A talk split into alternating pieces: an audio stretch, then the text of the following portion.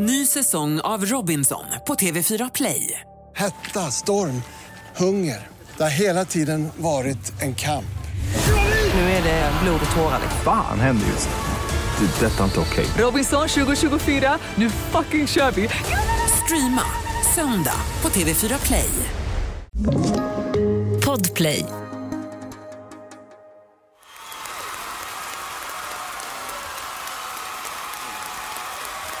Det är en varm vårkväll i storstaden Manchester i England och idag bubblar av känslor hos många av tonåringarna.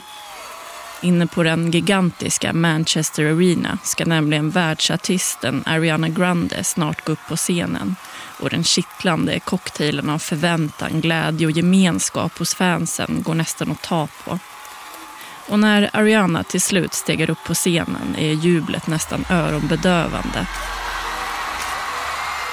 14-åriga Freya Lewis och bästa vännen Nell flyger upp från sina sittplatser och tjuter av glädje medan de håller om varandra. Konserten börjar och de bästa vännerna kan precis som de flesta andra i publiken vartenda ord i alla låttexter. Stämningen är elektrisk.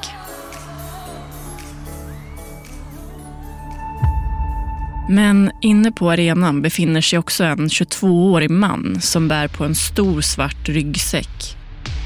Han är svettig och beter sig på ett konstigt, nervöst sätt. Det ingen ännu vet om det är att han snart ska komma förvandla konserten till en kaotisk mardröm och vända upp och ner på hela Frejas värld.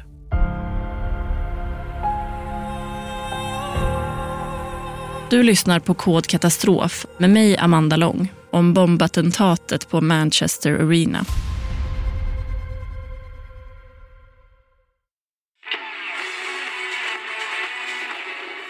Året är 2010 och sjuåriga Freja Lewis sitter som så många tidigare lördagskvällar i den bruna lädersoffan och ser på tv-programmet X-Factor tillsammans med familjen när hon plötsligt spärrar upp sina ögon hon kan inte tro att det är sant och det kan inte hennes stora syster eller hennes föräldrar heller. Framför dem på tvn ser de nämligen hur en av tonårskillarna från samma lilla ort som dem, Holmes Chapel, går ut på scenen. Freja känner igen det burriga håret. Harry Styles, I'm 16, I'm from Holmes Chapel in Cheshire. Han har gått i samma skola som henne och hon har dessutom sett honom där han jobbar på det lokala bageriet. Men att han kunde sjunga och så här bra, det hade hon ingen aning om.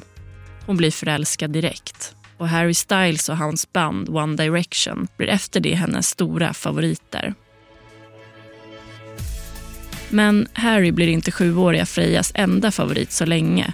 För samma år upptäcker hon tv-programmet Victorious som handlar om den unga tjejen Tori som försöker bli sångerska. Det är inte Tori som intresserar Freja utan huvudkaraktärens bästa kompis Cat. Cat är Frejas favorit för hon känner igen sig i henne på något vis. Cat spelas av skådespelerskan Ariana Grande och Freja blir genast ett stort fan. Och när Ariana Grande ett år senare, år 2011, släpper sin debutsingel Put your hearts up, som Freja älskar, är hon helt såld. Men det är inte bara Freja utan också bästa vännen Nell som dansar till låten om och om igen hemma i Frejas flickrum.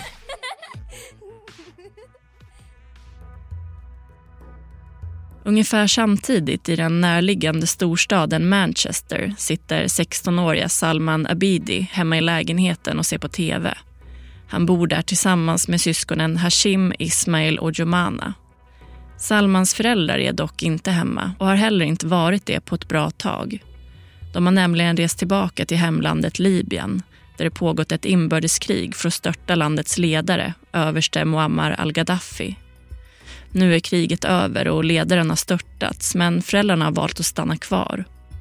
Så nu är de fyra syskonen själva kvar i England där de yngsta syskonen fötts och där de alla vuxit upp. 16-åriga Salmans föräldrar, pappa Ramadan och mamma Samia, kom till Manchester från Libyen för 18 år sedan, år 1993, och startade familj. Det var efter en misslyckad militärkupp samma år när man också försökte störta den tidigare ledaren överste Gaddafi men misslyckades, som de valde att fly. Men nu är det alltså 2011 och tidigare det här året bredde den arabiska våren ut sig där medborgare i flera arabiska länder gick ut i protester och krävde regimbyten och demokratiska reformer. Också i Libyen bröt protester ut efter det långa missnöjet med överste Gaddafi. Varför 16-åriga Salmans pappa Ramadan har varit i Libyen under just den här tiden kan man fortfarande inte med säkerhet säga. Men man har senare funnit kopplingar mellan honom och Libyen Islamic Fighting Group en grupp som av FN listats som terroristorganisation och som man hävdat har direkta kopplingar till al-Qaida. Men det är inte bara pappa Ramadan från Nabidi-familjen som har spenderat mycket tid i Libyen det här året. Det har nämligen 16-åriga Salman också gjort och hans lillebror 14-åriga Hashim. Flera gånger har de åkt dit och varit borta i flera veckor för att sen återvända tillbaka till föräldrarnas lägenhet i Manchester och gå tillbaka till skolan som om ingenting hänt.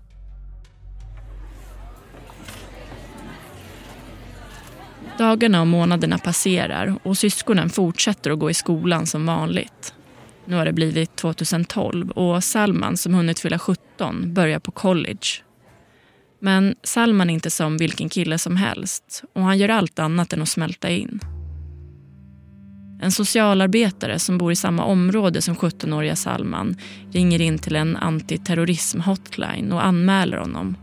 Socialarbetaren har hört 17-åriga Salman säga saker om självmordsbombning som oroat både henne själv och folk runt omkring.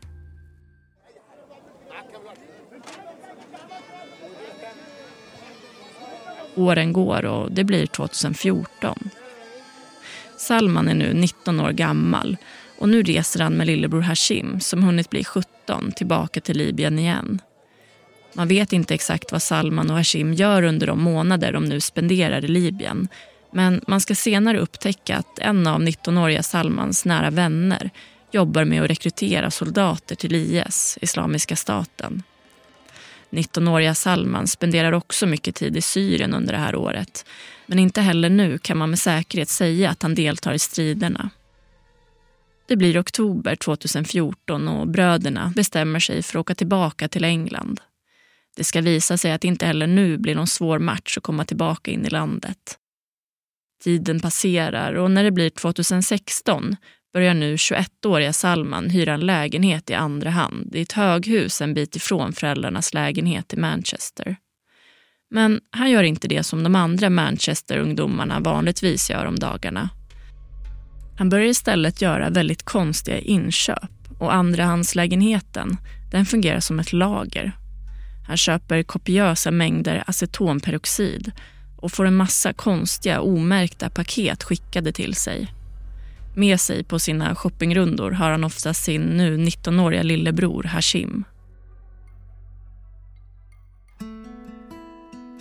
Det har nu hunnit bli juldagsmorgonen 2016. Freja Lewis, som bor i den lilla orten Holmes Chapel i närheten av Manchester, har hunnit bli 13 år. Idag kan Freja bara tänka på en enda sak. Ända sedan världsartisten och idolen Ariana Grande gick ut med att hon skulle ha en världsturné vid namn Dangerous Woman har Freja önskat sig det i julklapp. Men Freja vet att biljetterna till konserten sålde slut snabbt och att de inte direkt var billiga. Så hon tänker att hon inte ska bli besviken om hon inte får någon. Dessutom måste ju hennes föräldrar köpa flera biljetter om de ska gå. För hon får inte gå på konserter utan att ha med sig någon familjemedlem. När hon tidigare har gått på konserter har hon alltid haft med sig mamma och stora syster Georgia. 13-åriga Freja ser mot ett av de mindre paketen under granen med sitt namn på. Hon tar fram det och börjar långsamt dra bort presentsnöret och riva bort det prassliga pappret. Innan hon skriker rakt ut. Hon kan inte fatta det. I paketet ligger två biljetter till Ariana Grandes konsert den 22 maj. Freja ser upp mot sin mamma med en rörd blick och kastar sig upp och ger henne en hård och lång kram. Frejas mamma frågar plötsligt vem hon tänkt ta med sig och Freja förstår ingenting. Vi tänkte att du kanske kan ta med en kompis den här gången, säger hon och ler. Och Freja känner hur en andra våg av eufori sköljer igenom henne innan ett till glädjetjut tar plats. Hon skyndar sig att springa till telefonen. Det råder inga tvivel, hon vet precis vem hon ska ringa. När bästa vännen Nell får höra de goda nyheterna blir hon också eld och lågor. Ny säsong av Robinson på TV4 Play. Hetta, storm, hunger. Det har hela tiden varit en kamp. Nu är det blod och tårar. Fan händer just nu. Det. är Detta är inte okej. Robinson 2024, nu fucking kör vi! Streama söndag på TV4 Play. Poddtips från Podplay. I podden Något Kaiko garanterar östgötarna Brutti och jag, Davva, dig en stor dos skratt. Där följer jag pladask för köttätandet igen. Man är lite som en jävla vampyr. Man har fått lite blodsmak och då måste man ha mer. Udda spaningar, fängslande anekdoter och en och annan arg rant. Jag måste ha mitt kaffe på morgonen för annars är jag ingen trevlig människa. Då är du ingen trevlig människa, punkt. Något Kaiko, hör du på Podplay. Därför är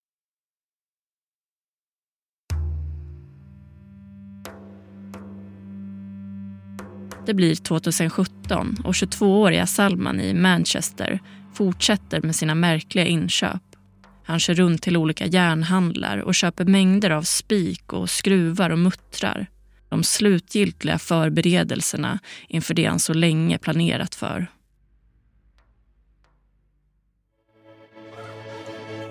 Fjortonåriga Freja och Nell pratar i telefon. De är upprymda och pirriga och pratar i mun på varandra. Frejas pappa ska följa med dem till arenan och stanna i närheten tills konserten är slut. Tjejerna pratar om vad de ska på sig och vilka frisyrer de ska ha. Locktänger, kläder och smink flyger fram i flickrummen och ur högtalarna strömmar Ariana Grandes musik. Tjejerna bestämmer en tid då Freja och hennes pappa ska plocka upp Nell dagen efter innan de lägger på och fortsätter med sina bestyr.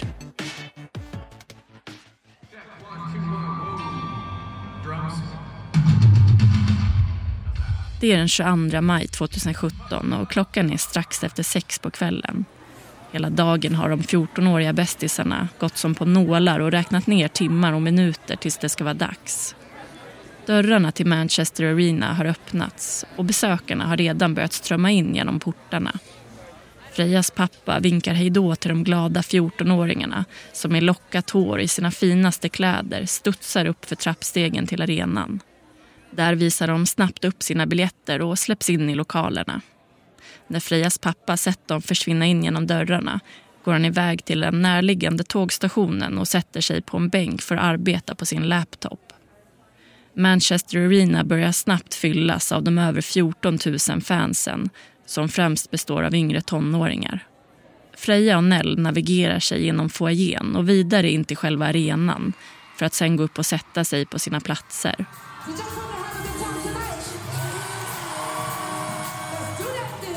När förakten, artisten Victoria Monet, sjungit färdigt och gått av scenen börjar ett högt brus av pirriga röster och tjut sprida sig bland den unga publiken.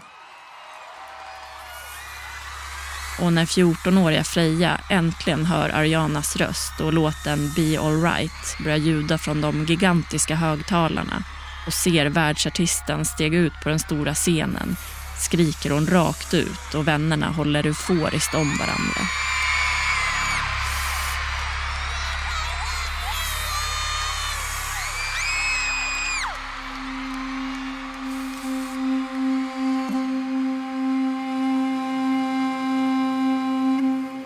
Ungefär samtidigt stiger 22-åriga Salman ut ur en taxi.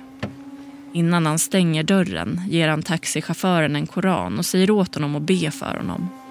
Taxichauffören hinner knappt reagera innan Salman slår igen bildörren och går in på tågstationen. Han smsar sin bror Hashim innan han kliver på ett tåg som ska gå till samma station där 14-åriga Frejas pappa nu sitter och jobbar på sin laptop.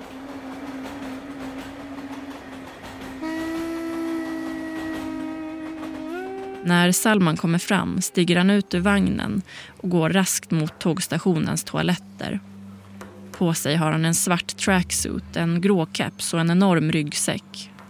Ryggsäcken är så stor och tung att han får kämpa för att ta sig framåt. Den är nämligen fylld med mängder av sprängämnen och små bitar av metall. Han går in på en av toaletterna och låser dörren bakom sig. Han spenderar sedan några minuter där inne med att förbereda bomben innan han öppnar dörren igen och går den korta sträckan bort mot arenan.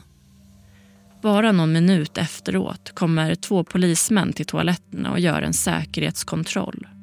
De missar Salman med 59 sekunder.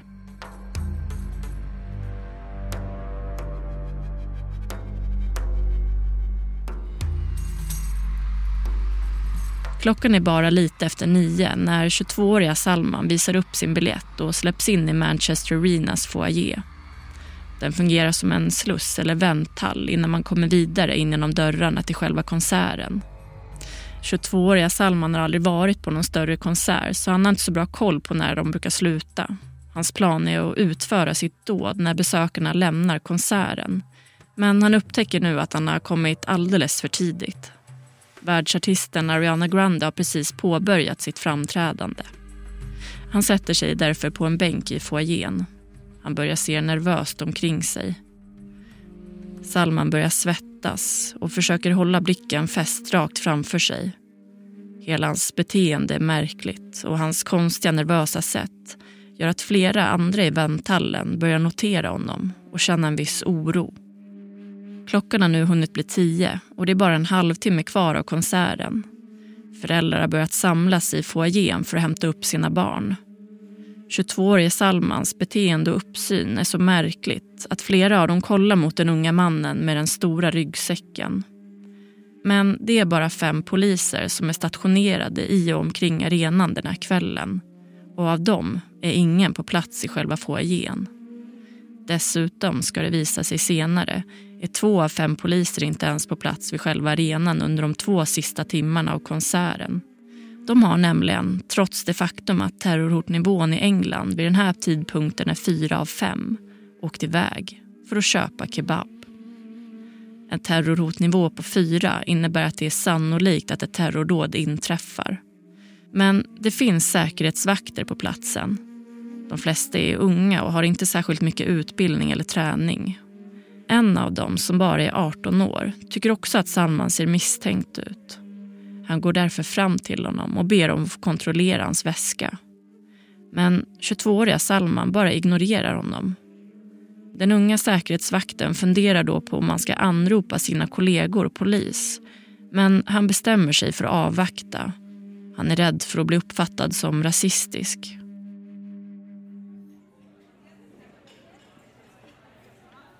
När klockan har hunnit bli kvart över tio har vänthallen fyllts av föräldrar och familjemedlemmar som väntar på att hämta upp sina barn.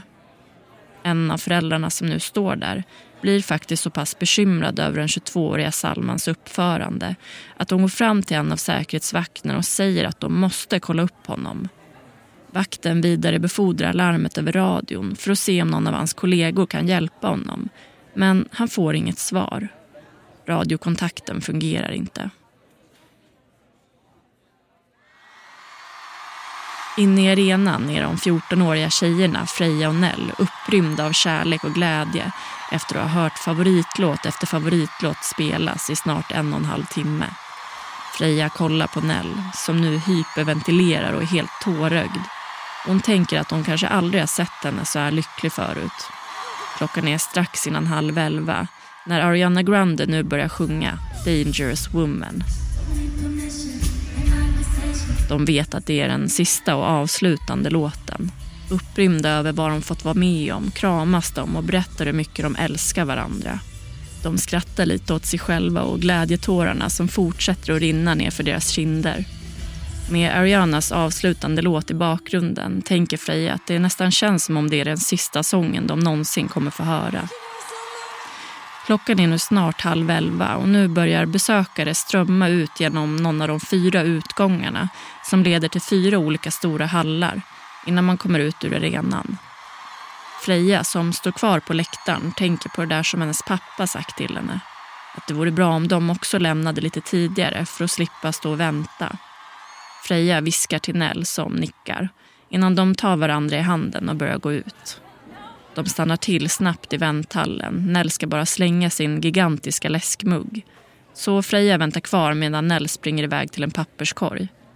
De ska möta Frejas pappa på tågstationen så Freja tar upp mobilen för att smsa honom att de är på väg. Men precis innan hon ska skicka meddelandet fastnar hon med blicken på någon framför sig. Det är en ung man med en jättestor ryggsäck och han står bara några meter ifrån henne. Han stirrar rakt framåt på ett underligt sätt som Freja reagerar på. Alla de andra i vänthallen är ju glada men den här mannen har ett helt annat uttryck. Frejas tankar avbryts av att Nell glatt kommer tillbaka och krokar i sin arm i Frejas. Det här är den bästa kvällen i hela mitt liv, säger Nell till Freja. Hon blir glad och svarar att det gör henne så lycklig att hon kunde ta med henne. De säger en gång till att de älskar varandra och börjar sen gå i riktning mot utgången och tågstationen. Men när de börjat gå ser Freja ner mot sin telefon. Klockan är prick halv elva och hon måste trycka på sänd för att skicka meddelandet till sin pappa. Men innan hon hinner göra det hör hon det högsta ljud hon någonsin hört skära in i hela hennes huvud.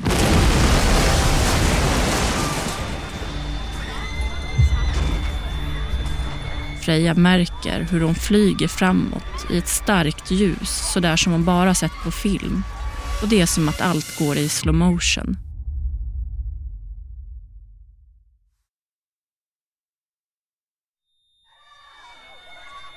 Plötsligt ligger 14-åriga Freja på golvet i foajén med ansiktet neråt.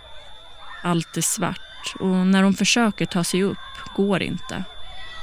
Det där höga ljudet har bytt form och låter nu istället som ett ringande i hennes öron. Hon ser silhuetter av människor och hur de springer. På något vis lyckas hon till slut ta sig upp på fötter och då ser hon hur hela hon är blodig och hur benet i hennes arm sticker ut. Hon försöker säga hjälp men det är som att inga ord vill komma ut ur hennes mun. Hon tänker att Nell måste vara bredvid henne och börjar långsamt föra sin kropp framåt mot utgången. Alla runt omkring skriker efter hjälp och springer mot utgången men Freja kan fortfarande inte se dem ordentligt utan bara i form av suddiga figurer. Den enda på Manchester Arena som springer åt ett annat håll det är 43-åriga Paul. Han har stått utanför och sålt planscher när explosionen plötsligt ekat och människor panikslaget kommit utrusandes genom dörrarna. Han håller fortfarande en bunt med ihoprullade posters i handen när han kommer in genom dörrarna till foajén. Han kan inte tro sina ögon. Bakom en dimridå av rök och vitt damm ser han metallbitar och skadade kroppar ligga överallt på golvet. Han har inte någon riktig sjukvårdsutbildning men han har gått en första hjälpen-kurs och bestämmer sig för att se om han kan hjälpa någon. Han ser en liten flicka ligga på golvet i en pöl av sitt eget blod och rusar fram och sätter sig vid henne. Han frågar vad hon heter och hon berättar att hennes namn är Safi Rose, att hon är åtta år gammal. Flickan börjar fråga efter sin mamma och posterförsäljaren Paul säger att de ska försöka hitta henne. Paul håller den åttaåriga flickan i sin famn och väntar på att ambulanspersonalen ska komma.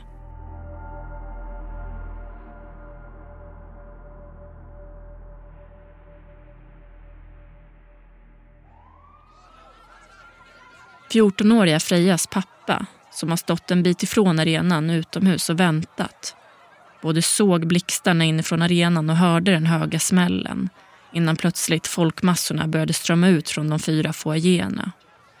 Trots att han direkt förstod att något hemskt hade hänt kan han nu fortfarande inte riktigt ta in det. Han går precis som posterförsäljaren Paul in i foajén och möts av samma bild som han. Golvet som är fullt av kroppar, vissa som rör på sig och andra inte. Han förstår att det måste röra sig om en bomb och skyndar sig att ringa hem till Frejas mamma och berätta. Hela han skakar. Han går sedan snabbt runt och försöker hitta sin 14-åriga dotter och vännen Nell.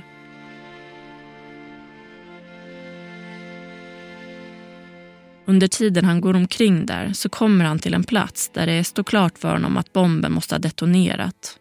Marken är svart och har slitits upp och han ser en hand och inälvor ligga runt omkring.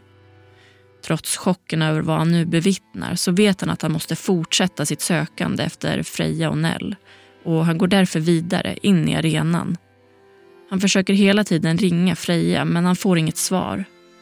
Han ser då att han har ett oläst meddelande från henne och öppnar det. Det är skickat 22.31. På väg, puss.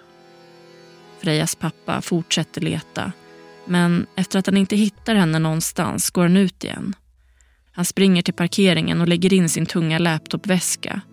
Men en svart känsla börjar nu sprida sig i hans kropp. Tänk om Freja är död. Han springer tillbaka till arenan igen. Men nu har polisen stängt av platsen. Frejas pappa får inte ta sig in igen. Han försöker förklara för polisen att han måste leta efter sin dotter, men det spelar ingen roll. Tiden passerar nu igen för Frejas pappa olidligt långsam takt. När hunnit gå nästan en timme får han plötsligt ett telefonsamtal. Det är någon som har hittat Freja och hon tas om hand av ambulanspersonal. Frejas pappa får den största adrenalinkicken han någonsin upplevt och han får nu lov att gå innanför avspärrningarna och fram till båren där 14-åriga Freja ligger. Men när han nu ser henne får han en chock över hur pass blodig och skadad hon är. Han springer fram och sätter sig bredvid henne och håller hennes hand med båda sina händer. Senare ska han berätta att under den timme då han trodde att 14-åriga Freja var död upplevde han den djupaste och mest obeskrivliga smärta någonsin känt. Freja känner genast igen sin pappas röst och tårarna kommer nu hejdlöst från de båda. De berättar hur mycket de älskar varandra otaliga gånger och pappan försöker lugna sin dotter och säger att allt kommer bli bra. 14-åriga Freja frågar om hon ska dö och hennes pappa svarar att det ska hon inte. När sjukvårdspersonalen börjar lyfta in Freja i en ambulans gör det så ont att hon skriker. Hon ser hur armen dinglar bredvid sig och försöker att inte kolla. Frejas pappa följer med i ambulansen och när de sitter där tittar han på henne och frågar mjukt om hon vet var Nell är. 14-åriga Freja svarar att hon inte vet men att hon trott att hon var bredvid henne när hon gick ut. Frejas ögon vill stänga sig nu men hennes pappa tjatar på henne och håller dem öppna. Efter en stund kommer de fram till sjukhuset och Freja lastas återigen skrikandes ut på den blodiga båren.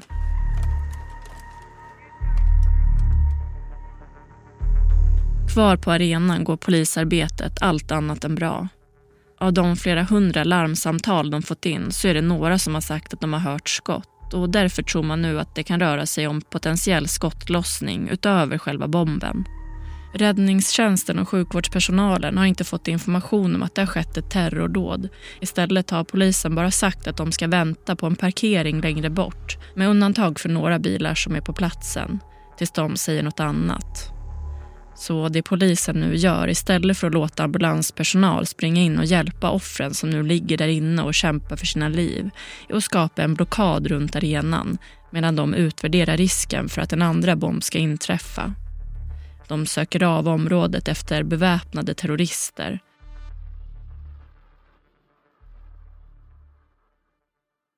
Ny säsong av Robinson på TV4 Play. Hetta, storm, hunger. Det har hela tiden varit en kamp. Nu är det blod och tårar. Fan händer just nu. Det. är Detta är inte okej. Robinson 2024, nu fucking kör vi! Streama söndag på TV4 Play. Ett poddtips från Podplay. I fallen jag aldrig glömmer djupdyker Hasse Aro i arbetet bakom några av Sveriges mest uppseendeväckande brottsutredningar. Går vi in med hemlig telefonavlyssning och, och då upplever vi att vi får en total förändring av hans beteende. Vad är det som händer nu? Vem är det som läcker? Och så säger han att jag är kriminell, jag har varit kriminell i hela mitt liv men att mörda ett barn, där går min gräns. Nya säsongen av Fallen jag aldrig glömmer på Podplay.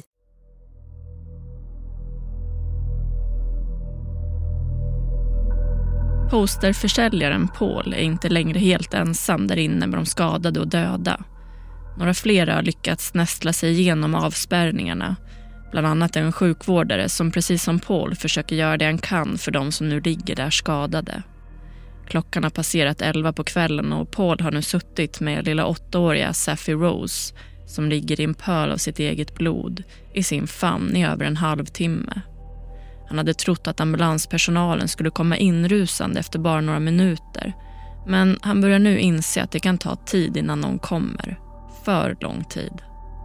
Sjukvårdaren som sitter och hjälper ett av de andra offren ropar till Paul att flickan han håller i sina armar kommer att dö om de inte får ut henne nu. Paul ser ner på henne och förstår att han har rätt. Tillsammans bär de därför upp henne på en stor plastskiva och får ut henne till en av ambulanserna. Den lilla flickan förs genast till sjukhus. Det är visserligen inte ovanligt att polisen till en början efter ett terrordåd avvaktar med att skicka in sjukvårdspersonal. Det är ett vanligt modus operandi hos terrorister att efter en första skottsalva eller explosion invänta räddningspersonal och då utföra ett andra dåd. Men det som är uppseendeväckande i det här fallet är att det tar så lång tid. Tid som de värst skadade inne på arenan inte har started about 10.30 local time at the Manchester Arena at the end of the Ariana Grande. Runt om i världen reagerar alla nu på vad som har hänt och på nyheterna rapporterar man om den fruktansvärda händelsen.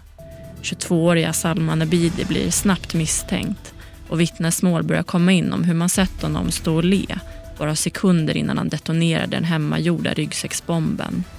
Den som han packat full med metallbitar och dödat minst 20 personer med. 14-åriga Freja som nu ligger på sjukhuset genomgår en över tio timmar lång operation där läkarna gör sitt bästa för att lappa ihop hennes kropp. Det är få delar av henne som inte är skadade. Freja förstår inte riktigt var hon är när hon vaknar igen. Hon ser personal gå omkring i blåa kläder, hör saker som skramlar och ser ett starkt sken uppifrån. Hon upptäcker också att hon har ett rör ner i halsen som hjälper henne att andas.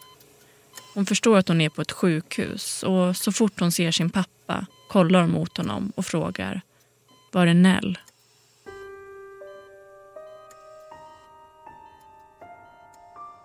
Pappans tystnad talar sitt tydliga språk.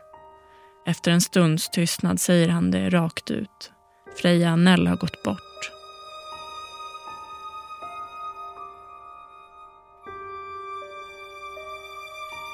14-åriga Frejas värld rasar samman och hon kan inte sluta gråta. Frejas pappa lägger en gosedjursuggla på Frejas mage. Den som har varit Nells favorit ända sedan hon var liten. Nells lukt får Freja att fyllas av både kärlek, sorg och skuld.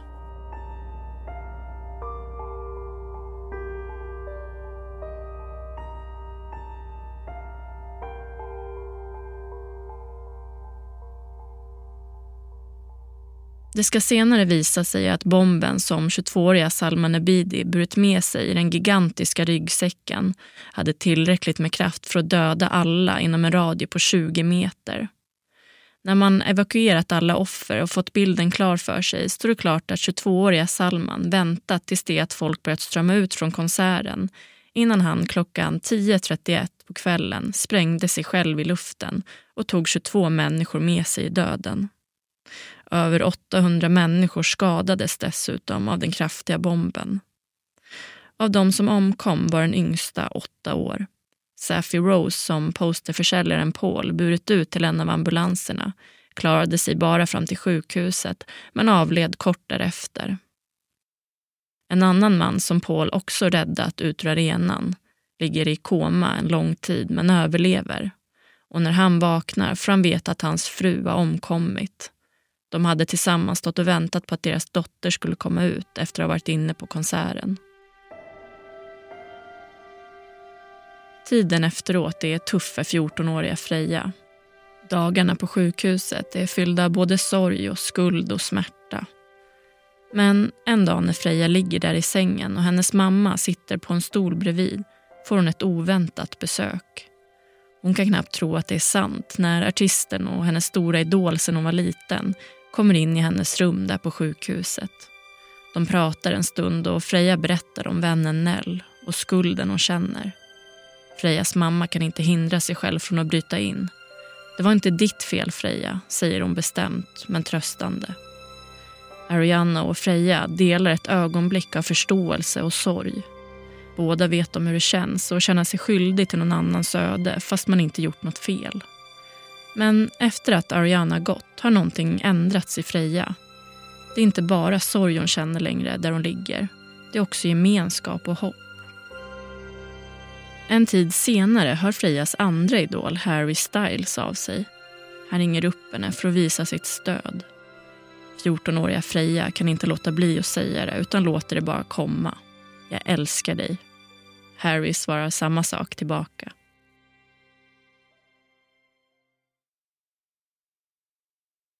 Mindre än en månad efter attacken håller Ariana Grande en välgörenhetskonsert på Old Trafford och flera andra världsartister medverkar, bland annat Coldplay, Robbie Williams, Justin Bieber och Miley Cyrus. Syftet är att samla in pengar till offren och deras familjer. Konserten ses både live och på tv av många och man lyckas samla in mer än 100 miljoner kronor. Men för Ariana Grande är det som har hänt tungt att bära och hon ska senare medge att hon vid flera tillfällen funderade på att avsluta sin karriär. Både i Manchester, i hela England och i hela världen skakar händelsen om.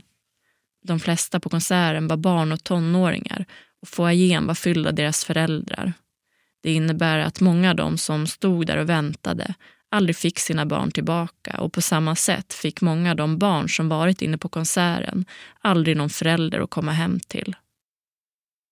Polisarbetet kvällen den 22 maj får hård kritik Speciellt efter att befälhavaren för operationen går ut och säger att deras utförande var citat nästan felfritt. Man gör också en grundlig utredning av både själva attentatet och 22-åriga Salman Ebidi. Dåvarande premiärminister Theresa May reagerar på händelsen med att höja landets terrorhotnivå från en nivå 4 till en nivå 5 vilket innebär att det är troligt att ett terrordåd inträffar inom en snar framtid. Man kommer fram till att bomben detonerade exakt klockan 10.31 på kvällen och att Salman dog ögonblickligen och aldrig behövde se konsekvenserna av sin gärning. Spik och skrotbomben vägde över 30 kilo. Salmans lillebror, 20-åriga Hashim, arresteras och ställs inför rätta. Han anklagas för att ha varit delaktig i terrordådet, även om det inte var han som bar på bomben. Han kan dock inte dömas till livstid då man för att kunna dömas till det i England måste vara över 21 år. 20-åriga Hashim döms dock till fängelse med en minimilängd på minst 55 år, vilket är den längsta minimilängden i brittisk rättshistoria. Ingen av de andra familjemedlemmarna döms dock, trots att den brittiska underrättelsetjänsten säger att de har starka indikationer på att åtminstone pappa Ramadan bidrog till att radikalisera Salman. 14-åriga Freja börjar sakta återhämta sig från sina 29 skador.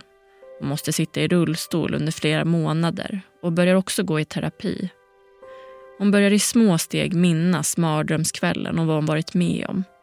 Hon börjar komma ihåg hur hon låg där och såg hur hennes väska i plast med kattöron på smälte samman med hennes hud och hår av värmen. Till slut blir 14-åriga Freja utskriven från sjukhuset och tiden och åren går.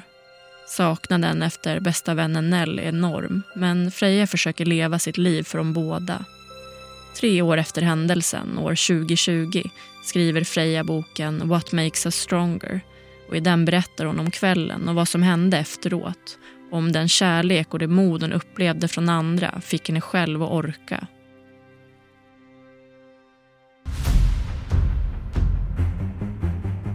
Spåren efter kvällen den 22 maj 2017 som skulle vara en kväll full av eufori och glädje men som istället förvandlades till en blodig mardröm lever fortfarande kvar hos invånarna i Manchester och i hela England. Bombdådet är för alltid inristat i historien som en av de mörkaste nätterna i landets historia.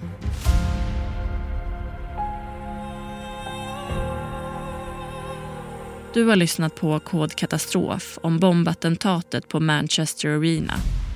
Manuset skrevs av mig, Amanda Long. Producent var Mats Liljenberg och exekutiv producent var Victoria Rinkos. I nästa veckas avsnitt av Kod katastrof får ni höra om världens värsta industriolycka, massförgiftningen i Bhopal. Överallt på gatorna och i de små gränderna ligger människor och djur i olika onaturliga ställningar. Några av dem stirrar skräckslaget framför sig medan några andra är medvetslösa och några redan avlidna. Deras kroppar är täckta av blåsor och ögonen börjar långsamt svälla igen. Runt omkring dem flyter ett tjockt moln av vit gas snabbt fram genom gränderna och griper tag om allt som kommer i dess väg.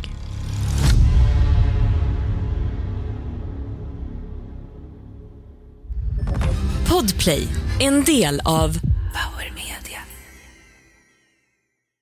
Ny säsong av Robinson på TV4 Play. Hetta, storm, hunger. Det har hela tiden varit en kamp. Nu är det blod och tårar. Fan händer just nu. Det. är Detta är inte okej. Robinson 2024, nu fucking kör vi! Streama söndag på TV4 Play.